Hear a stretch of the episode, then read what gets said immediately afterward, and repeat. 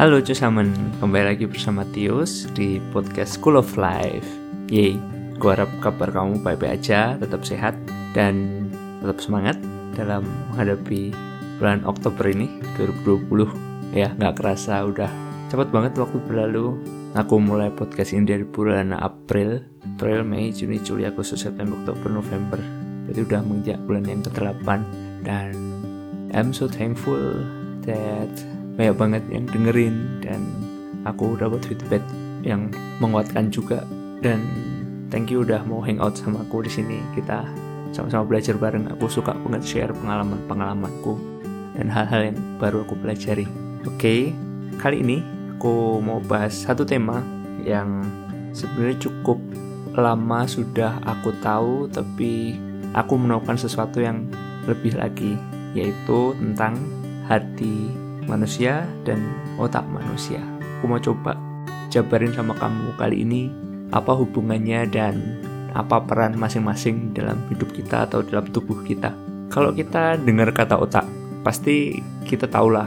Mungkin kamu pernah belajar biologi, pernah belajar anatomi, bahwa otak kita itu adalah pusat dari semua kontrol yang ada di tubuh kita. Jadi kalau nggak ada otak, kita nggak bisa gerakin tangan, kita nggak bisa gerakin kaki karena itu ada profil dari otak atau komen dari otak ada sinyal dikiriman dari otak ke tubuh kita supaya dia mau menggerakin gitu. Dan secara anatomi itu bisa dibuktikan. Itu bisa di Navolgian atau apa ya? Kamu bisa secara deduktif melihat itu gitu. Atau secara ditarik mundur bisa tahu bisa dibuktikan. Dan kamu juga tahu dengan MRI atau MRT magnet resonance tomography otak kita tuh bisa dilihat gitu. Nyata. Dan bahkan kalau misalnya operasi di otak gagal bisa lumpuh. Jadi secara fisik ilmu kedokteran pun juga bisa bilang otak itu ada bisa dilihat. Tapi kalau hati dalam hal ini aku bukan bilang hati levermu tapi benar-benar hati manusia hati nurani manusia. Itu nggak bisa dideteksi sama anatomi. Sampai sekarang aku belum pernah dengar sih bahwa ada ditemukan satu organ yang namanya hati dan itu adalah hati yang kita selalu bilang itu hati nurani. Itu nggak ada nggak bisa dilihat. Dan apakah artinya kalau kita tidak melihat kita punya hati itu kita nggak punya hati? Menurut aku nggak. Aku punya hati nurani dan aku nanti mau jelasin apa sih hati itu dan apa sih otak itu apa hubungannya apa bedanya apa persamaannya dan gimana kita bisa melakukan atau bertindak dengan pengetahuan yang baru ini ya. Ya kamu tetap harus uji apakah benar apa enggak. Tapi aku mau share sama kamu. Ya kita udah belajar tentang otak.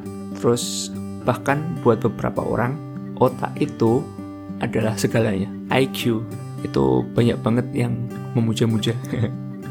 Nggak memuja gimana tapi kayak wih IQ-nya gede keren pinter banget nih anak ini matematika pasti jago fisika pasti jago. Genius gitu. Banyak banget kita lihat kita mengukur kepintaran atau kepandaian seseorang dari IQ-nya dia, dari cerdasannya dia. Well, apakah itu ada pengaruh sama otak? Apakah benar otak itu sangat berpengaruh dengan IQ? Mungkin dia, mungkin nggak. Aku nggak tahu jawabannya. Tapi aku punya satu fakta, aku punya satu, bukan fakta, aku punya satu jawaban yang menurut aku, saat aku tanya, apakah otak yang membuat pandai? Menurut aku jawabannya nggak, bukan otak yang buat pandai. Kenapa? Oke, okay, sebelum aku lanjut, aku mau disclaimer. Aku ngomong ini bukan sebagai ahli kedokteran. Ya, aku insinyur. Ya, aku sekolah medical engineering. Aku belajar anatomi. Tapi aku mau kamu juga cari tahu sendiri. Dan kamu timbang sendiri apakah benar atau salah. Oke? Okay? Good. Kita lanjut. Aku tadi bilang jawabanku enggak. Kenapa? Oke, okay? kita cari tahu dulu hati itu apa sih menurut aku.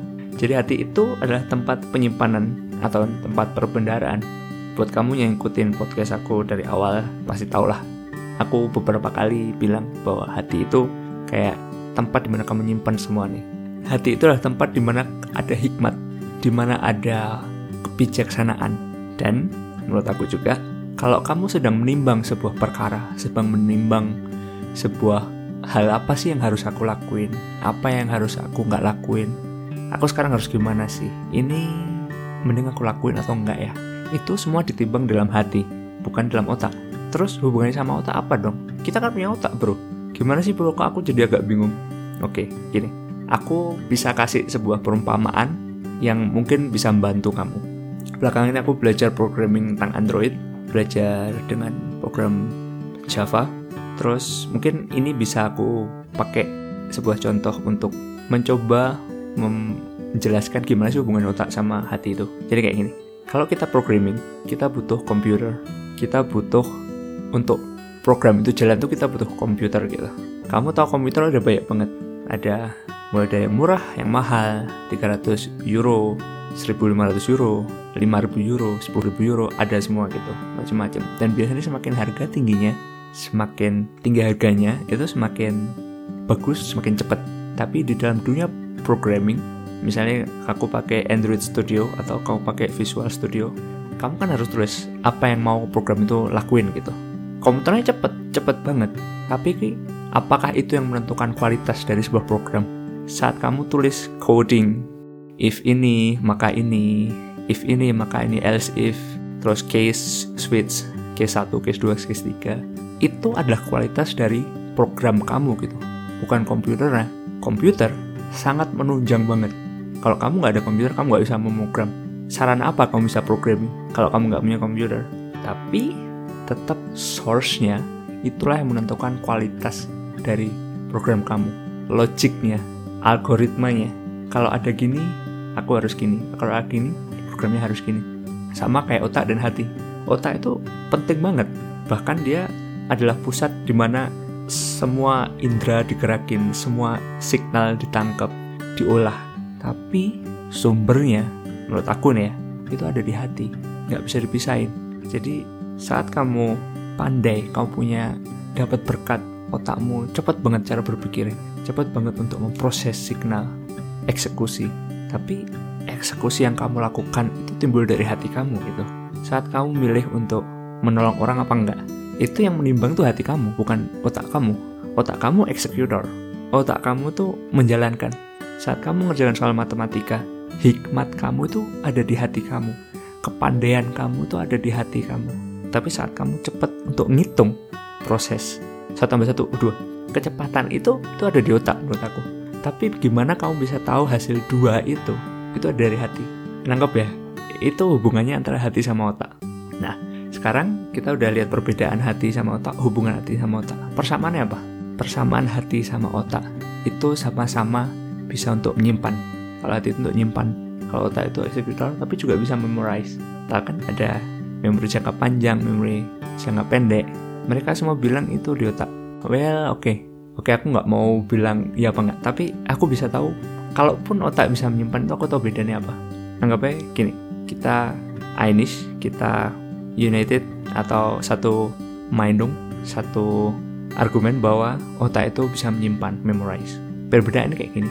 Kalau kita mengalami suatu perkara, suatu fenomena yang menyakitkan, misalnya aku dikecewain orang, kita bisa ingat. Lima bulan kemudian saat kita ingat, oh ya aku dikecewain dia, rasanya masih sakit, masih pengen nangis gitu. Terus enam bulan kemudian, karena kita udah mengampuni nih, cerita nih kan kamu tahu konsep pengampunan. Kita udah ngampuni ternyata oh iya aku masih ngedetail bahkan tapi ternyata karena udah ngampuni udah nggak sakit hati lagi. Udah nggak mengecewakan lagi nggak harus nangis bahkan bisa ketawa-ketawa. Wih kok bisa ya? Padahal sama-sama inget loh. Jadi gini otak itu memang memorize gimana detailnya. Waktu itu kejadian gimana urutannya gimana siapa orangnya. Tapi yang menyimpan emotion dari fenomena itu, dari kejadian itu, kamu nggak nyimpen di otak bro, kamu nyimpen di hati kamu. Emosi kamu simpen di hati, kejadiannya mungkin kamu simpen di otak, makanya bisa lupa. Karena kamu cuma di otak, mungkin itu memori jangka panjang, jangka pendek. Seru gak sih? Jadi hati itu ternyata nyimpen, nyimpen emosi dari kejadian itu gitu. Karena saat kamu udah ngampuni, kamu udah gak sakit hati lagi, kamu udah beres sama hatimu, kamu inget situasi itu lagi, jadi oh iya waktu itu gini-gini ini tapi udah gak sakit hati lagi. Gak sih? itu yang menjadi persamaan terhati sama otak wih aku menentukan hal ini seru banget sih. Aku kayak mind blowing gitu buat aku sendiri. Makanya kamu bisa denger gimana aku begeistert banget gimana aku sangat overwhelmed sama kayak renungan yang baru aku dapat sih. Mungkin kamu bisa bilang ah kamu tuh ngarang aja bro. Mana ada itu. Ah well kamu yang bisa nimbang.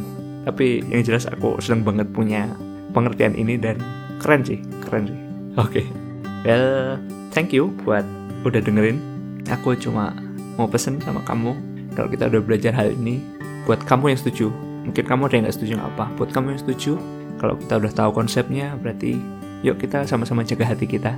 Kita berusaha banget punya hati yang clear masukin info-info hikmat-hikmat emosi-emosi yang positif aja di hati kamu. Karena kamu bisa mengizinkan itu gitu saat kamu disakiti kamu bisa bilang aku mau sakit hati atau aku mau move on. Jadi apakah sakit hatinya aku mau masukin hati atau mau aku lepasin? Kamu punya kontrol atas itu. Kamu yang bisa penjaga. Jadi kayak kamu tuh jadilah penjaga hati yang baik benar-benar jaga hatimu. Karena dari situ tuh kualitas kehidupanmu tuh ada. Dari situ itu terpancar kehidupan kamu gitu. Ingat contoh programming tadi. Laptop emang sangat menentukan kecepatan.